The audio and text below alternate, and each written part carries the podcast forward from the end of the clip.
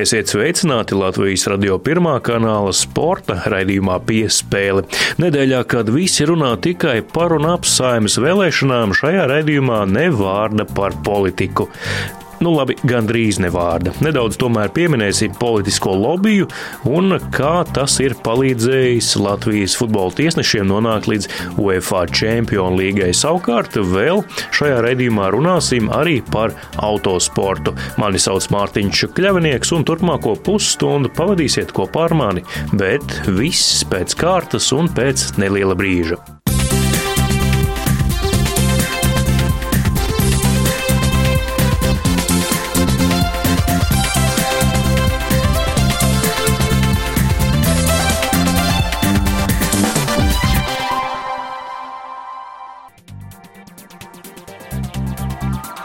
Autorālija pilots Mārtiņš Sēsks kopā ar savu stūrmani Renāru Franci nesen kļuva par Eiropas čempioniem junioriem, tas sportistiem vecumā līdz 27 gadiem. Mārtiņam pagaidām ir tikai 19, un viņš šogad pirmo sezonu brauca Opel rūpnīcas komandā. Sākotnēji nelolojas lielas cerības par iespējamiem sasniegumiem, tomēr sezona parādījusi, ka viņš un stūrmanis Francis spēja braukt un spēja braukt ļoti ātri, sasnieguši vairākus piedestālus dažādos Eiropas rallijos, beigas tomēr nebija tik pozitīvas kā cerēts, jo Polijā piedzīvotas divas avārijas, tomēr kopsumā izcīnīts Eiropas junioru čempionu tituls un rūpnīcas komandas vadība ar sportistiem ir ļoti apmierināta. Kaut komandas pirmais numurs joprojām ir Toms Kristiansens, Mārtiņš Sēsks komandas hierarhijā noteikti pakāpies vairākus līmeņus augstāk. Sarunā ar autoru autorālī pilotu Mārtiņu Sesku sporta raidījuma piespēle turpinājumā. Šī raidījuma izlaidumā parunāsim par autosportu, par ralliju un parunāsim ar čempionu, kurš ir čempions junioru klasē Eiropā U27, tā to sauc, Mārtiņš Sesks. Sveiks! Sveiki! Mārtiņ, es jau tev aizkadrā nedaudz jautāju, kā ir būt čempionam. Tas ir vairāk tādi smagi lauri vai patīkami lauri? Tituls kā tāds ir ļoti patīkams un ir patīkami to apzināties, bet šajā brīdī ir tā, ka vēl īsti tas nav aizgājis visās smadzeņu šūnās tie pienākumi un tās eh, ne pašas vieglākās lietas jau tomēr nāk uzreiz, tāpēc tā šobrīd īsti nav skaidrs, eh, kāpēc ir tā uzmanība un, eh, un, un kas tad īsti ir noticis. To es domāju, ka es sapratīšu tikai 3. decembrī, kad būs svinīga apbalvošanas ceremonija. Paulu Jonas, lai gan viņš kļuva par pasaules čempionu MX2, bet Kalvinē sagaidīja ar fanfārām un ziediem, kā tevi Liepājā sagaidīja? Liepājā man sagaidīja diezgan mierīgi, tāpēc, ka atbraucu nevienam no Un eh, tomēr gan jau, tas Eiropas čempionu tituls vēl eh, nav tik liels notikums, lai kāds sagaidītu ar lieliem ziediem. Jā, nu tad retrospektīvi paskatīsimies uz sezonu, kāda tā bija. Diezgan eh, pārsteidzoši, ka tu tomēr ieguvi šo rūpnīcas atbalstu. Jūs abi ar Stūrmani, jums bija garantēta šī sezona ar rūpnīcas atbalstu Eiropā. Tas vien jau likās pietiekami nozīmīgs sasniegums. Tu jau tad zināji, ka pie tā nevajag apstāties un vajag maksimumu izspiest no šīs sezonas, kāda bija, kāda bija tev nodomi pirms tās? Tie nodomi jau tā pirms šīs sezonas bija tādi, ka vajag parādīt Eiropai, ka mēs spējam, ka es varu izdarīt visu maksimumu. Protams, tajā brīdī, kad pieslēdzās tās rūpnīcas stāsts, ka es esmu Opel autoražotāju braucējs, kas ir jau iepriekšējo trīs gadu čempioni, jau deva vēl tādu papildus stimulu un tādu pārliecību, ka varbūt ne tikai mēs varam būt ātri, bet mēs arī var, varbūt varam būt ātrākie. Tā kā atlika sezonas gaitā vienīgais pašam izdarīt visu, ko es spēju, un tas arī nebija tas vieglākais. Jā, vienā brīdī likās, ka viss esmu rūpnīcā, nu jau vairs nav problēma, bet uh, tas pats sarežģītākais ir tikt ar sevi galā un vienmēr atrast to motivāciju, pēc kā cīnīties. Tev jau arī iepriekš nebija pašam atslēgas gluži jāņem rokās un jāskrūvē, bet droši vien bija jādomā par daudz ko vairāk. Tagad tu esi brīvāks un tev jākoncentrējas uz, tikai uz savu uzdevumu, kas dažreiz, acīm redzot, var arī būt grūtāk nekā, nekā, nekā ja tev būtu kaut kas vēl jādara. Protams, tajā brīdī, kamēr pats brauc privāti, ir kaut kādas tās uh, problēmas un lietas, kas ir jārisina pašam, bet uh, arī braucot tajā augstajā līmenī, nākās aizmirst par dažām lietām, bet arī ļoti daudz lietas uh, nāk klāt. Piemēram, tas ir darbs ar inženieri, tas ir darbs ar uh, vispār ar pašu tehnisko sagatavotību. Jo, principā, šogad braucot rūpnīcas komandā, es iemācījos daudz vairāk tehnisko lietu nekā tajā brīdī, kad es braucu kā privātais braucējs. Jo tomēr no mums prasa lielu atbildību, un mums ir jāzina viss, ko darīt ar mašīnu, ko darīt pašiem ar sevi, lai mēs nonāktu maksimāli ātri finišā. Tāpēc es neteiktu, ka par tām tehniskajām lietām nācās aizmirst tieši otrādi tas tika vēl vairāk pastiprināts tās zināšanas. Kas vēl tev bija no jauna šajā sezonā? Principā bija tas, ka kā runāt ar inženieri, jo inženieris ir tas cilvēks, kurš pats principā nekad nav braucis ātri ar mašīnu. Viņš tikai zina tehniski un pēc datiem, kā tai mašīnai vajadzētu strādāt un vispārējo. Un, un man no sava braucēja viedokļa ir jāmāk pateikt, ko viņiem izdarīt un kā mēs varam atrast to kopsaucēju, lai mēs būtu ātrākie. Tas bija viens no tādiem sezonas lielajiem uzdevumiem, un tomēr jau arī tas, ka bija jāpierod eh, maksimāli ātri pie automašīnas, jo tie kilometri ar konkrēto auto bija ļoti maz, kurus bija iespējams nobraukt.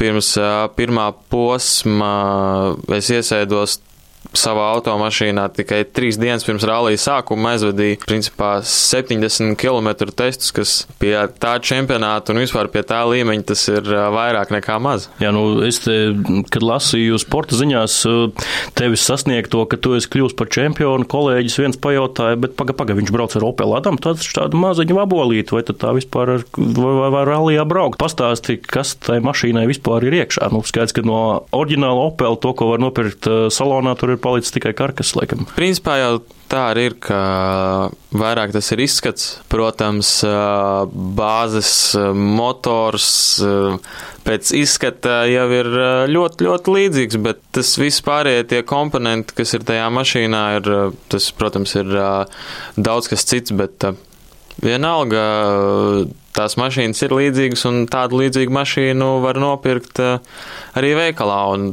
tas arī ir tas, ko Startautiskā automobīļu federācija tieši šajā sporta sakarā centās izdarīt, jo bija tie laiki, kad bija Subaru automašīnas, Mitsubishi, kas jau ikdienā ir jaudīgas, maz nopērkamas un tā tālāk. Bija tā ideja pirms vairākiem gadiem radīt to sportu pietuvināt ielai. Šobrīd arī pasaules čempionātā brauc ar Citroen C3, Škoda Fabija, Ford Fiesta, jā, Hyundai i20, kas uz ielas izskatās uh, parasta maziņa mašīnīte, bet uh, jā, un tas uzdevums bija tāds, ka parādīt, ka arī no tā, tā maziņā mašīnīte, iedodot pareizās rokās, tā spēja kļūt par uh, kosmosa kuģi. Tad tu saki, ka rallijas kļūst tāds pieejamāks vienkāršam skatītājiem, iedzīvotājiem tautai?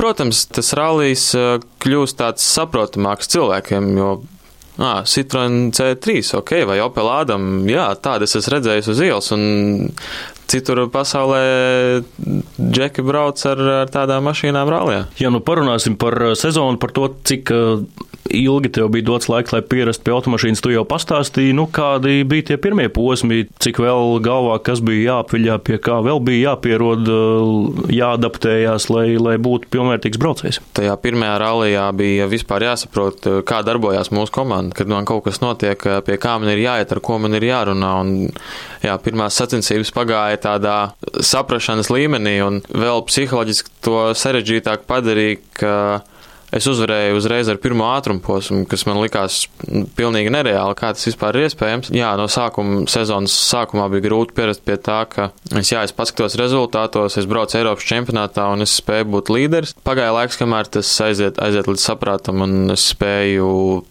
to neuztvert par kaut ko īpašu, bet tas ir vienkārši mans darbs un es daru to, ko es daru. Jaunākajā sporta avīzes numurā savukārt Sebastians Lēps arī tur gara intervija ar viņu, un viņš ļoti uzsver arī um, rallijā tieši stūrmaņa nozīmi, cik tā ir liela. Pastāst, kāda ir jūsu abu sadarbība un cik tā, nu, kā saka, tas tie pamati, kas bija ielikt iepriekšējos gados, cik tie palīdzēja arī šajā sezonā. Bez stūrmaņa es nekur nevaru aizbraukt. Es varu braukt tikai pēc redzes, kas ir pielīdzināms ātrumam, kā visi brauc ielas apstākļos. Tas pats sarežģītākais ir veidot tās attiecības ar stūrmani Jo mums ir jāuzticās vienam otram simtprocentīgi. Tās ir kā attiecības. Mēs principā riskējam viens ar otru dzīvību. ja to tā var rūpīgi sakot teikt. Tas ir, tas ir ļoti svarīgs aspekts vispār sporta karjerā, jo bez eh, stūrmeņa nav pilota un bez pilota nav stūrmeņa. Tas ir tāds saburtais lokus, kam vienkārši ir jābūt, un, lai tas viss izdotos, ir jāsakrīt eh, vairākiem kauliņiem. Bet vai ir jābūt sirds draugiem, kuri visur iet kopā, izklaidējas kopā, vai tomēr ir jābūt tādiem labiem profesionāļiem, kas var veiksmīgi sastrādāties, kas ir tas galvenais? Nav tādas īstas formulas, kādiem ir, kādai ir jābūt tai sadarbībai. Protams, ir ļoti daudz veiksmīgu stāstu, kur jauni būdami ir atraduši viens otru kā pilots un stūrmans, un viņi brauc vēl pēc 10, 15 gadiem, un tāds arī ir tas, tas scenārijs. Vēl scenārijs ir tieši tāds profesionālais aspekts, kad ir profesionāls braucējs ar profesionālu stūrmani. Viņi atrod to profesionālo saikni un tā spēj darboties. Kā ar jums? Mums, principā, ir kaut kas diezgan pavidam, jo tomēr mūsu vecāki, mūsu abi tēvi pirms gadiem 20, 30 paši brauc kopā, un tagad mēs ar Renāru braucam.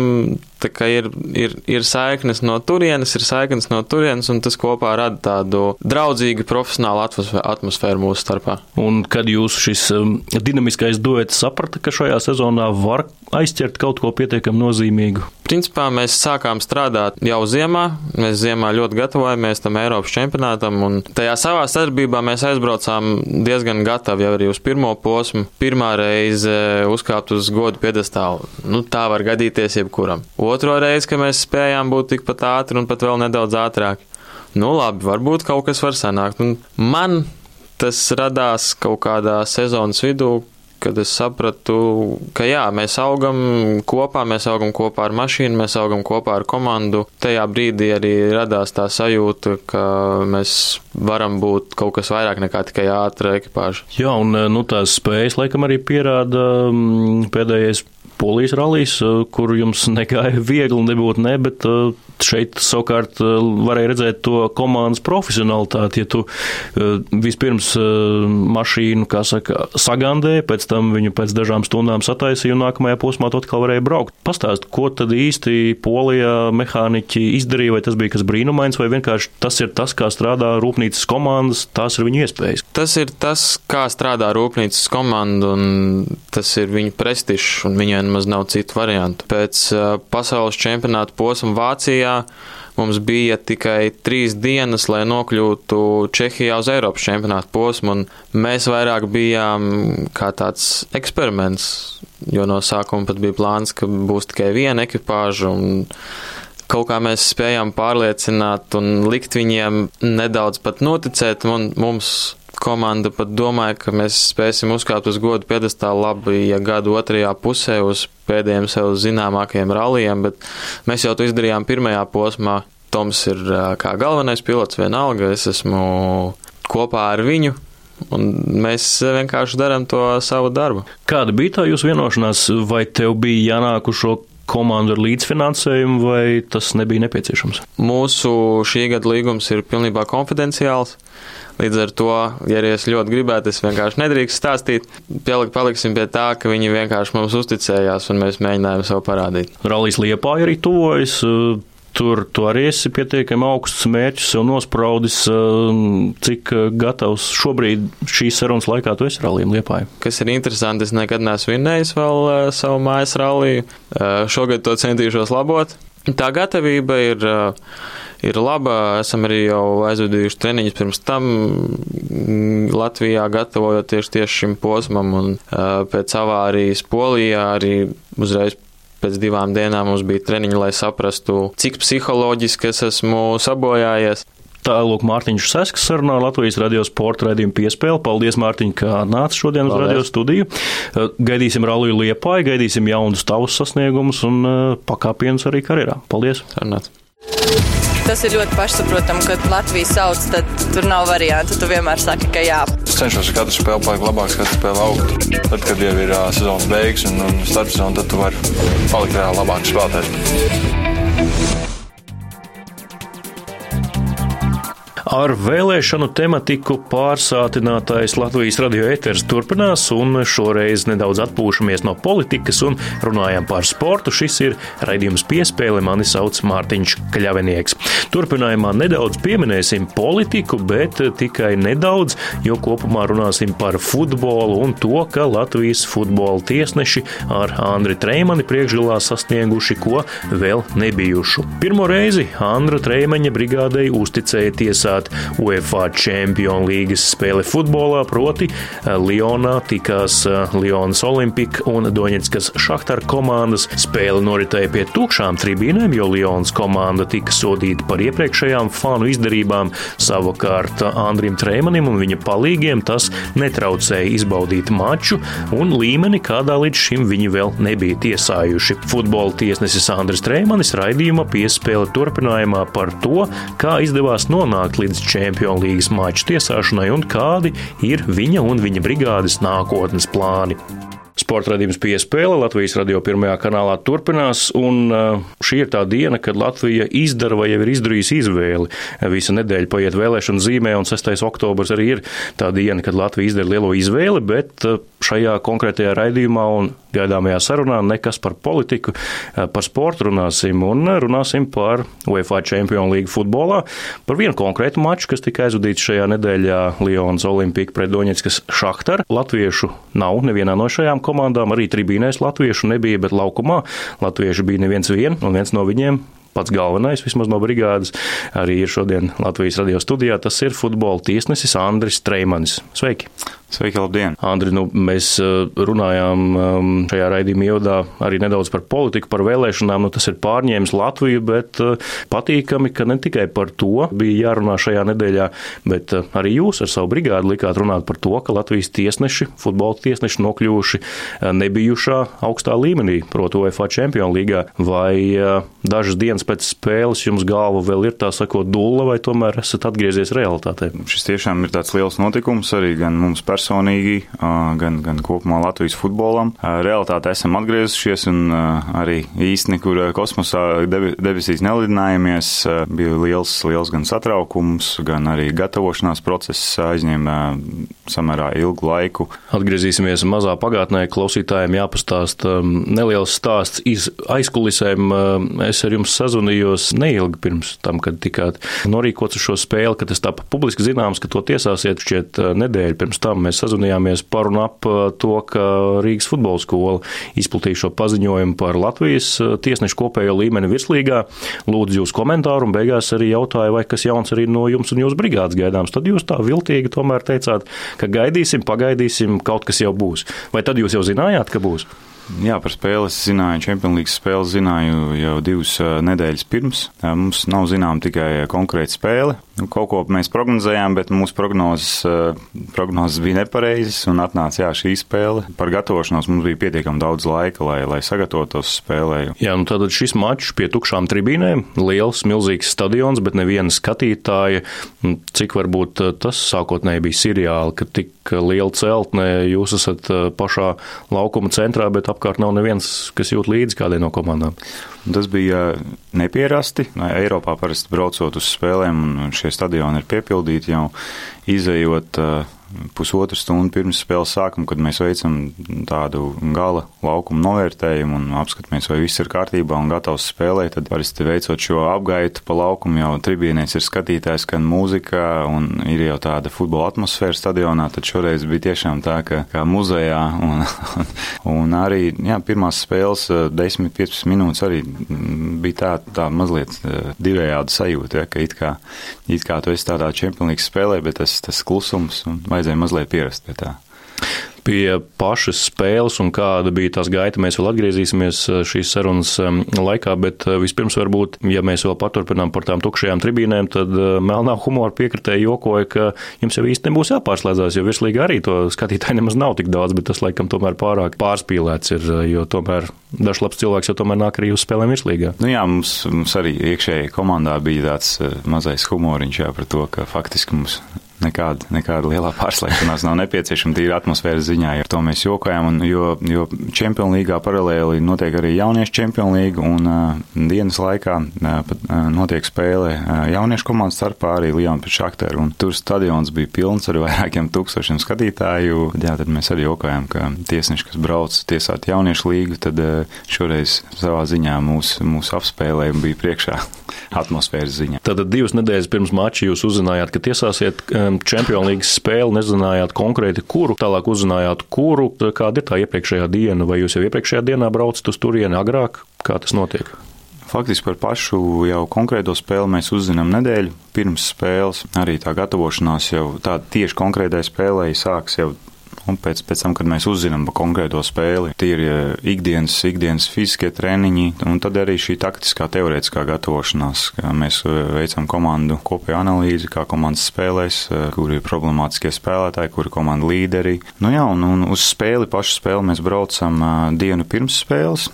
Agri no rīta parasti izlidojam, tad mums pirms spēles dienā ir treniņš stadionā, kāds ir laukums, kāds apavs labāk izvēlēties. Un tad arī pēc lidojuma nepieciešams arī tomēr izkustēties. Ja, tad mums tāds viegls treniņš. Tad spēles dienā pirms spēles sapulcs desmitos no rīta. Tas ir ar, ar komandu pārstāvjiem, kur piedalās tur ceturtais tiesnesis un viens no maniem asistentiem. Vakarā jau dodamies uz spēli divas stundas pirms.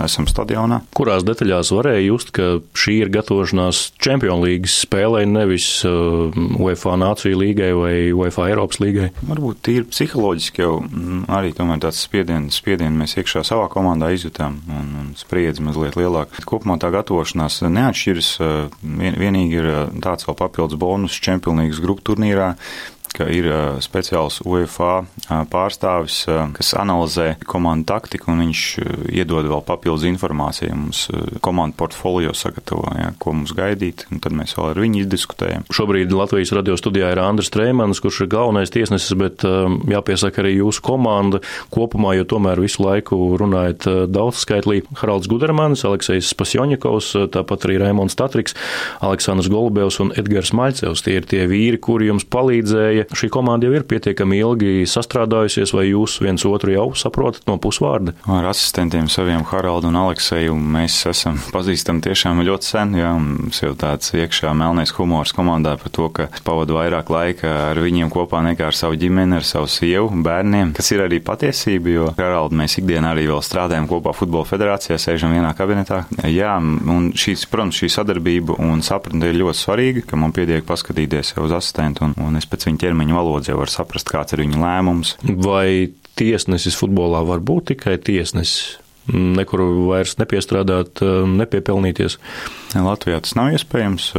Mans pamatdarbs ir Latvijas Futbola Federācijā. Esmu kā jurists, un paldies arī Futbola federācijai, ka viņi nāk pretī tādā ziņā, ka ļauj apvienot darbu ar tiesāšanu, jo šobrīd eh, jau mēs esam sasnieguši tādu līmeni, ka tiešām daudz laika sanāk eh, braukt uz spēlēm. Visās lielais līgās faktiski ir eh, tas, tas tā, tā ir tiesneša pamat nodarbošanās, viņi ar to pelna naudu. Tie naudas apjomi ir daudz citādāk nekā pie mums Latvijā kopumā futbolā. Bet atkal mm, šo jautājumu es varētu skatīt no, no divām pusēm, jo, ja tu esi tikai tiesnesis, ļoti grūti ir tīri psiholoģiski manā izpratnē izpratnē izturēt, jo tas spiediens eh, visveid, labi, mums Latvijā var nav tāds mēdīs spiediens kā, kā citās valstīs, futbola valstī. Nu, ir iespēja pārslēgties, teiksim, no tiesāšanas uz, uz, uz kādām citām lietām un gadījumā, ja melnās situācijas nevisai ne veiksmīgās dienas ja, laukumā, tad, tad ir iespējams ātrāk tās aizmirst, ja, ja nodarbojoties ar kaut ko citu. Ar ko futbola tiesnesis un arī futbola federācijas jurists Andris Treimanis eh, pabaro savu dvēseli ikdienā ārpus futbola, nu, ar kādu hobiju, vaļasprieku aizraušanos. Paldies sievas tēvam par, par to, ka mazliet pievērsis man makšķerēšanai, arī, arī medības. Patīk, patīk arī mūzika teātris, tā kā cenšamies arī pavadīt laiku maksimāli kopā ar ģimeni. Jā, no aiz Latvijas eh, sporta vidas pārstāvjiem Alrežu stāv stipras ģimenes, eh, tā kā paldies arī viņām. Eh, pievēršamies spēlē, tātad Liona Doņetska, cik grūts kopumā bija šis mačs? Jūs teicāt, ka pirmās 15 minūtes bija neierastas šī te klusuma tribīnēs dēļ, bet tīri no tiem lēmumiem, kas bija jāpieņem, pacēlāt vienu zeltaino kartīti, tā kā nekas pārāk nopietnas laikam nebija tā no pārkāpuma viedokļa. Kopumā spēle bija, teiksim tā, normāla. Komandu un spēlētāju līmenis ir ļoti augsts un tie ātrumi es negribētu savā ziņā nu, kaut kā negatīvi novērtēt mūsu čempionātu Latvijas virslīgu, bet tie ātrumi būtiski atšķiras. Līdz ar to arī mūsu darbībām ir jābūt jau daudz nu, pārdomātākām, ātrākām sadarbībām savā starpā starp asistentiem. Tad nu, pirmais puslaiks bija vispār tāds ļoti mierīgs, kaut gan abiem asistentiem, Haraldam un Aleksējam, spēle bija gan sarežģīta, jo tas, ka varbūt nebija tik daudz pārkāpumu, bet bija ļoti daudz situācijas ar aizmuguru situāciju, kur vajadzēja pieņemt lēmumus, un Aleksējam vajadzēja atcelt viens vārds, arī kas tika gūt nepareizi, jā, tāda no aizmuguras situācijas. Tanība laikā, jo augstāks ir spēlētāja līmenis, jo laikam arī mazāk ir to nu, tādu uzskatām rupju pārkāpumu, nepaspējot kaut kur, netrāpot pa bumbu, bet braucot iekšā kājās acīm redzot, viņi tomēr spēlē disciplinētāk, pareizāk, jo vienkārši viņu meistarība ir augstāka, vai tā nevar teikt? Jā, tā var teikt, jo tas viss tehniskais izpildījums, kā viņi izpild katru elementu, ar izklupienu, piespēli, bumbu atņemšanu, viņš ir daudz kvalitīvāks. Savā ziņā mums ir varbūt reizēm mazāk darba. Tur spēlētāji arī e, savā ziņā ir nu, mazliet gudrāki. Viņi aiz muguras var kaut ko darīt. Viņi saprot, ka tiesnesis redz, kad neredz. Jā, tad... Jau vienā no intervijām e, uzreiz pēc e, spēles nākamajā dienā teicāt, ka mutisku vērtējumu no UEFA pārstāvja saņēmāt, vai ir arī oficiālais vērtējums, vai to vēl gaidāt? Oficiālu vērtējumu mēs vēl gaidām. Tas, tas atnāk parasti 3 līdz 5 dienas pēc spēles. Rakstiska veida ziņojums uz, uz, uz sešām lapām. Spēle mums, kā inspektors, bija nozīmēts viens no UEFA tiesnešu komitejas locekļiem, Herberts Vandals, pats bijušais top tiesnesis, Čempionlīgas fināls tiesājis Eiropu Eiro fināla turnīrus, pasaules čempionāta fināla turnīrus. Ļoti, ļoti pieredzējis cilvēks un tādā mutiskā spēcspēles analīzē ļoti atzinīgi izteicās par mūsu darbu tagad ceram arī saņemt ļoti pozitīvu rakstisku ziņojumu. Andris Treimans, futbola tiesnesis, bija Latvijas radio raidījuma piespēle viesis. Šodien mēs ar politiku sākām, varbūt ar politisku niansu arī nedaudz pabeigsim šo sarunu, jo politikā ļoti svarīgs ir lobbyis. Vai arī tiesnešu brigādei ir jāpazīst pareizie cilvēki, jābūt pie pareiziem galdiem pareizo sarunu laikā, lai nonāktu līdz čempionu līgai, vai tas ir tīri jūsu darbs un uh, jūs esat parādījuši sevi ļoti labi un tāpēc jūs tur esat, vai tomēr ir arī kāda nianse, kur jūs bijāt pareizajā laikā un pareizajā vietā? Vēlēšana dienā mazliet parunāt par politiku, tas, tas, tas, tas ir tikai normāli, tāpēc skaidrs arī, ka mūsu, mūsu jautājumā, tiesāšanas jautājumā ir, ir svarīgi arī šie, šie politiskie lobby darbs kabinetos, teiksim tā. Protams, ka ļoti svarīgi, tas ir vispār primārais, ir, ir mūsu šī meistarība un mūsu parādītās darbs, jo bez tā jau neko, nekur nevienu nevar palobēt vai, vai kādu labu vārdu aizlikt. Bet ļoti svarīgi ir arī šīs, labās attiecības jā, ar UEFA palīdz arī Futbola federācijas pārstāvji. Iepriekš varbūt Jānis Mežetskis, kurš ļoti labi pazīst tur mm, daudzus cilvēkus, vai šobrīd varbūt Kaspars Gorkšs. Jā, protams, arī liels paldies Liela Artavu ir nu, jau bijušajam ģenerālsekretāram un arī bijušajam prezidentam, gan, gan Jānim Mežetskim, liels paldies gan Guntīm Indriksonam par to liels devums, un arī šobrīd liels paldies Edgaram Pukinskam un, un Kasparam Gorkšam, jā, arī par to, par atbalstu. Tālūk Andrs Treimans, futbola tiesnesis sarunā ar sporta raidījumu piespēli. Paldies Andri jums un jūsu brigādē par paveikto šajā konkrētajā mačā starp Lionu un Doņetsku, nu un tad gaidīsim arī nākamos izaicinājumus jūsu karjerās, jūsu brigādes karjerā un gaidām nākamos Čempionu līgas mačus, bet šobrīd laikam fokus uz virslīgas izšķirošiem notikumiem Latvijā, vai ne? Jā, viennozīmīgi, viennozīmīgi virslīga tuvojas savai fināla fāzei un ļoti svarīgs spēles ir priekšā gan komandām, gan tiesnešiem. Ja, Mēs redzējām, sākumā jau pieskārāties minējāt par to, ka arī komandas pievērš ļoti lielu uzmanību ties, tiesnešu darbu kvalitātei. Tā kā mans vispār aicinājums būtu tāds, ka katram koncentrēties savu lietu komandām, koncentrēties uz, uz savu spēli un atkal mums koncentrēties uz, uz kvalitīvu savu darbu paveikšanu. Tālūk, izskan saruna ar futbola tiesnesi Andri Treimani. Paldies, ka atnācāt šodien uz Latvijas radio. Nu tad tiekamies jau iespējams futbola laukumos, tribīnēs vai kur citur. Paldies! Paldies, ka uzaicinājāt! Visu labu!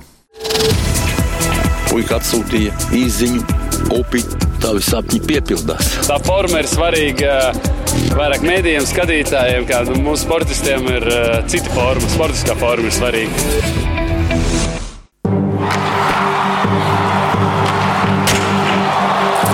Latvijas radio sporta raidījums piespēle līdz ar to šoreiz izskan. Mani sauc Mārtiņš Kļavnieks un tiekamies jau pēc nedēļas, kad vēlēšana trakums būs norimis uz sadzirdēšanos.